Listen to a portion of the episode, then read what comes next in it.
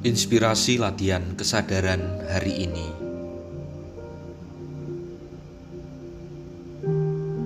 Larut dalam rutinitas harian dan hanyut dalam derasnya pusaran kekhawatiran. Barangkali inilah yang terjadi dalam nalarku dan rasamu saat ini. Seolah tak ada habisnya satu demi satu persoalan antri giliran untuk diselesaikan. Terkesan tak ada selesainya pula, rasa yang satu berganti dengan rasa lainnya, terus menyelimuti suasana hati untuk didamaikan. Belajar bertumbuh menjadi dewasa dalam kepribadian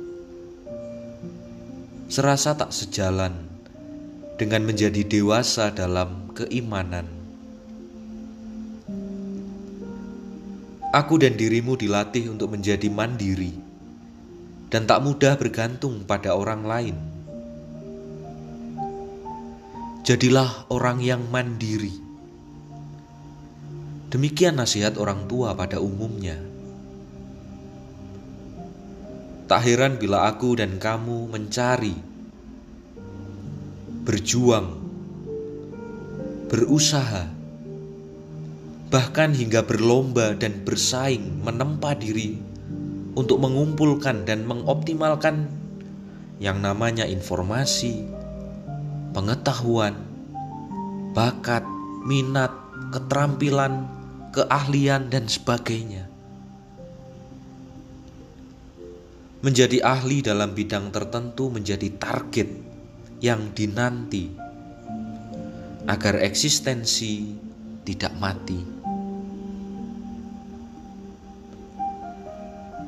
Apakah keliru bila nalarku dan nalarmu berpacu dengan cara seperti ini? Sebaliknya, jadilah orang yang taat pada Tuhan Demikian pula doktrin orang tua dan para pemuka agama yang aku dan dirimu kenal sedari kecil. Tak jarang inilah yang kemudian dijadikan kemasan ideal seorang yang dewasa dalam keimanan.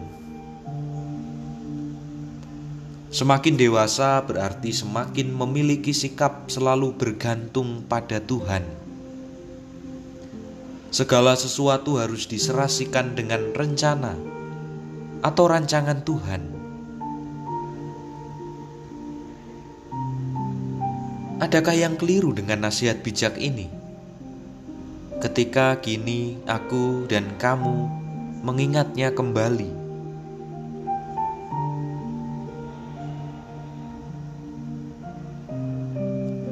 Sampai akhirnya Nalar memberanikan diri bertanya pada rasa,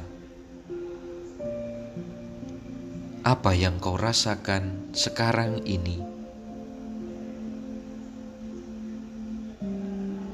Dan rasa pun menjawab dalam kepolosannya, "Aku kelelahan."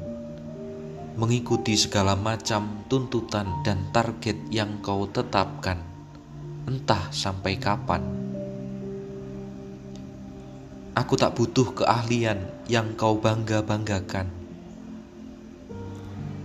Aku merindukan penerimaan dengan kenyataan yang sekarang sedang aku dan kamu lakukan. Tak perlu berlari terlalu cepat.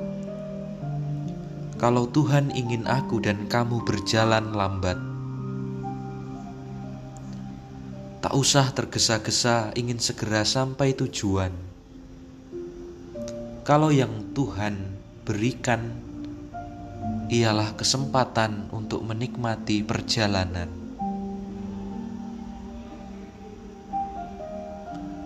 Nalar pun terdiam mendengarkan dan menundukkan kepala.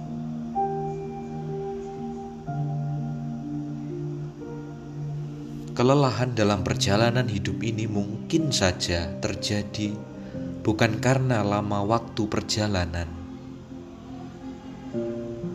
tetapi ketika aku dan kamu terlalu menggebu-gebu menggapai tujuan, hingga akhirnya mengabaikan suasana hati untuk menikmati perjalanan.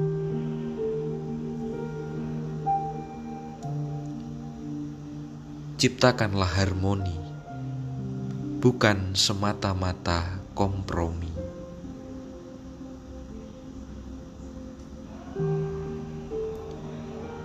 Salam bengkel kesadaran.